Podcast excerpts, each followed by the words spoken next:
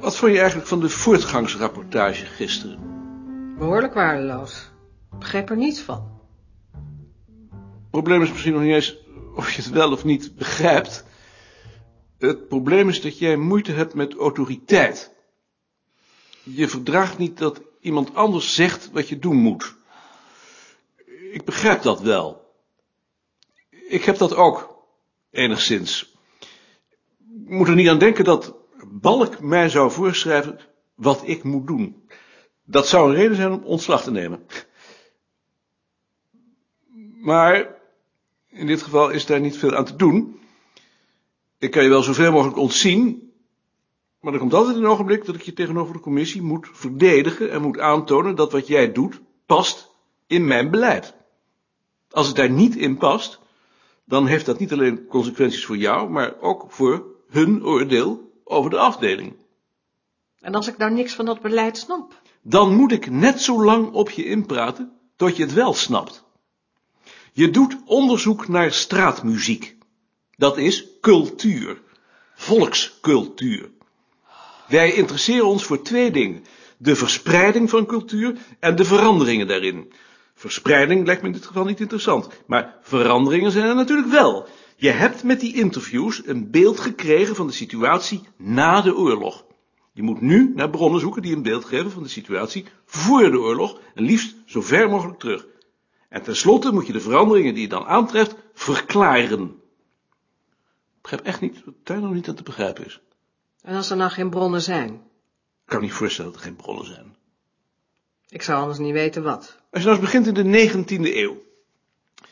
Je gaat naar de bibliotheek en je neemt alle boeken door waarin beschrijvingen van het straatleven worden gegeven. Romans, verhalen, feuilletons. En je registreert het beeld dat daarin wordt gegeven van straatmuzikanten en de veranderingen die daarin optreden. Dat is nog nooit gedaan. Een van onze taken is zoveel mogelijk bronnen te onderzoeken op hun waarde voor ons werk. Jij zou deze dan voor je rekening nemen. Wat is daar onduidelijk aan? Je zult zien dat ik niks vind. Je moet wat willen vinden natuurlijk, hè?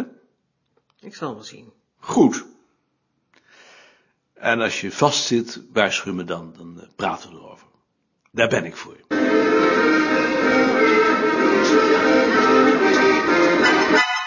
Alt, ik heb met Rie gepraat. Dag Bart. Dag Maarten. En? Eh, ik heb er een hard hoofd in. Heb je mijn voorstel voor een herordening van de rubriek Volkskunst al bekeken? Heb ik bekeken. Wat vond je ervan? Uitstekend. Omdat jij geloof ik een onderscheid wilde maken tussen abstracte en verhalende motieven. Ja, maar jouw argumenten hebben me overtuigd. Maar je had daar in de tijd toch een ander idee over. Jawel, maar nou blijkt dat dat moeilijkheden geeft, laat ik dat vallen. Maar ik zou er toch nog wel over willen praten. Kan, maar dan graag na de tweede koffie, want ik wil eerst nog een brief schrijven.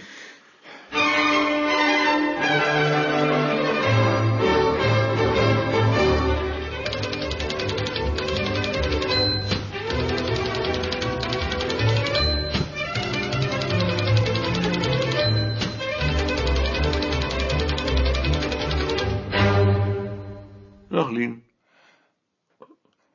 Ik ben boos op je.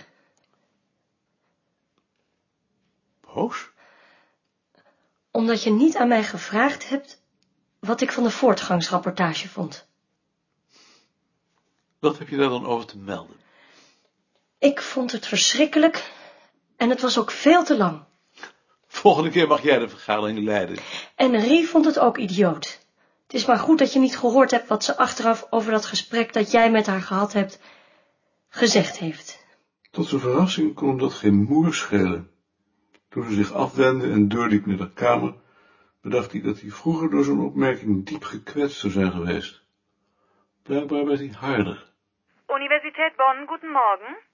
Ähm, ich spreche mit Koning. Ich möchte Herrn Professor Appel sprechen. Ich rufe an aus Holland. Moment bitte. Vielleicht können Sie etwas später nochmal anrufen. Es äh, ist noch keiner anwesend. Danke. Dag Maarten. Dag Alt. Ik probeer Appel te bellen, maar de heren liggen nog in bed. Ze zijn niet allemaal zoals jij. Dat is waar.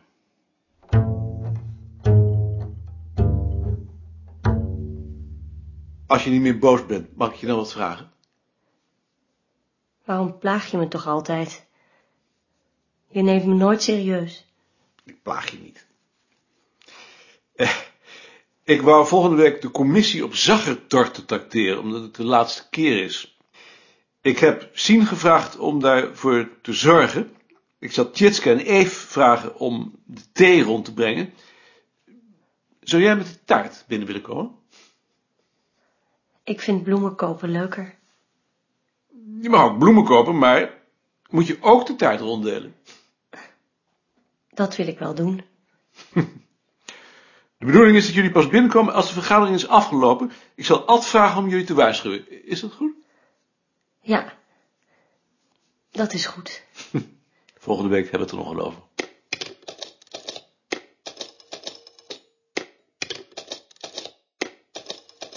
Das tut mir leid, Herr Koning. Der Professor ist noch nicht da und ich erwarte ihn auch nicht mehr heute. Dan ruf ich ihn zu Hause an. Haben Sie seine Nummer? Habe ich.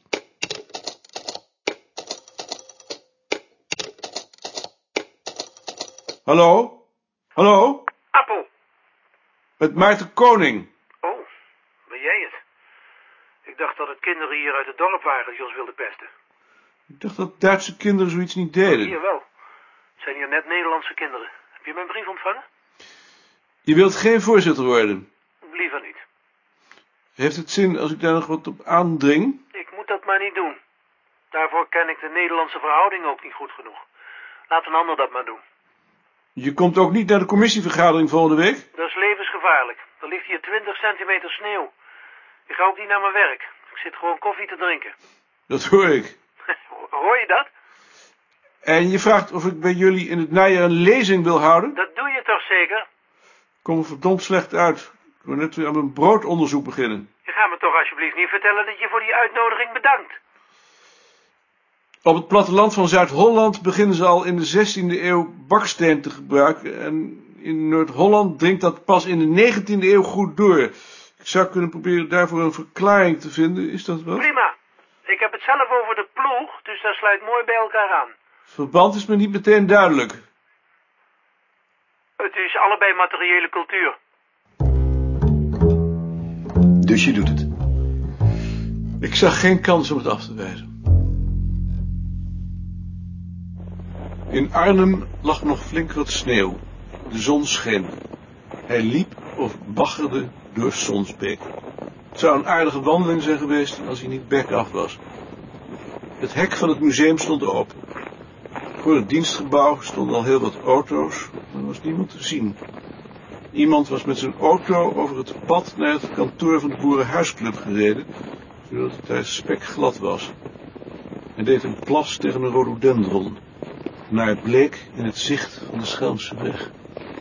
Ik heb een map gemaakt met recensies van uw boek. Dank u. Waar bent u op het ogenblik bezig? Ik eh, heb een boerderijtje opgemeerd. Waar? In Tul, bij Scha Galkwijk. Is dat niet in de Betuwe? Nou, eigenlijk in, in Utrecht. Natuurlijk, ja. Wilt u het zien? Graag. Heb je enig idee hoe oud het is? Eind 18e, begin 19e eeuw. En wat u ook zal interesseren, de voorgevel en de middenmuur waren in leem gemetseld. Dat is heel interessant. Weet je ook welke steensoort is gebruikt? Dag koning. Dag Valkema Blauw. Kijk, dat heeft Lutje Schipholt opgemeten. Lijkt me een heel interessant boerderijtje. Maar hoe oud denk je dat het is? 18e eeuw. Maar vind je dat kapspand dan niet merkwaardig? Die steunt niet op de gebindbalk, maar op de schoor. Rempel. Merkwaardig. Dat is heel merkwaardig. Maar ik moet nu weg. We zien elkaar straks nog wel. Maarten, we hebben het over de volgorde waarin we de sprekers zullen laten optreden. Wat vind jij daarvan? Wie zijn de sprekers? Het mannetje, Cassis en Van Dijk. Bespreken jullie het even, dan eh, hoor ik het straks wel. In die volgorde dan maar. Ja, lijkt me ook het best. Wat ga je nou doen als je met de fut bent? We hebben een eh, boerderijtje in Frankrijk. Dat lijkt me heerlijk. Ja, we verheugen ons er dan ook heel erg op. Heb jij eigenlijk al koffie gehad? Nee, Zal ik dan een kop koffie voor jou inschenken? dank je. Ik ga maar eens naar binnen.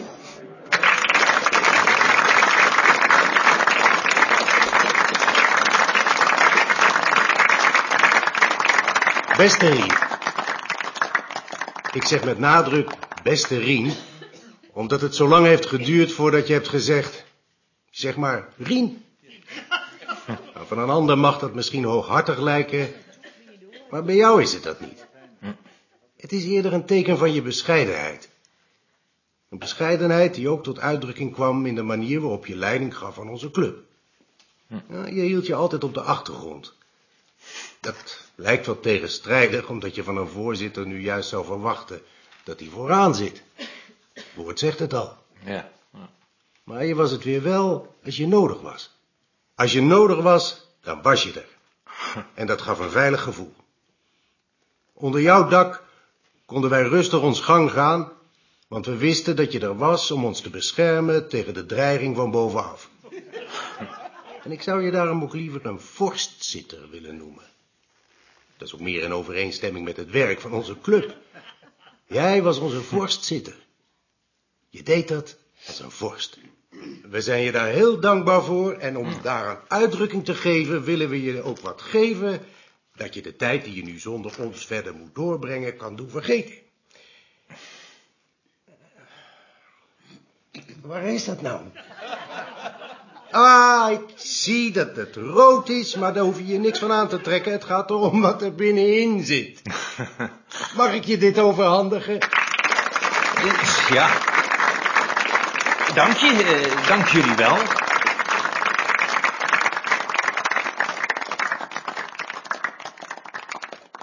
Vind je dat nou moeilijk, zo'n toespraak? Och, verschrikkelijk moeilijk. Heb je anders wel aardig gered? Doet me plezier dat je dat zegt. Want het valt niet mee om zoveel onwaarheden en halve waarheden met overtuiging te brengen. Eerlijk gezegd vond ik het een verloren dag. Al mijn dagen zijn verloren dagen. Ja, jij zit op dat bureau. Ik benijd je niet met zo'n balk. Het zijn vooral de mensen waar je de hele dag tussen moet zitten. Ja, dat is verschrikkelijk. Wat mij altijd weer verbaast is dat volwassen mannen hun tijd met zulke discussies doorbrengen. En dat we die straks nog weer zullen voortzetten ook. Daarmee verschaffen we ons een alibi. Voor het jaarverslag. maar ik hoef geen jaarverslag meer te schrijven.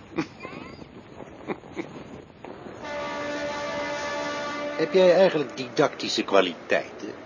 Ik denk eigenlijk van niet.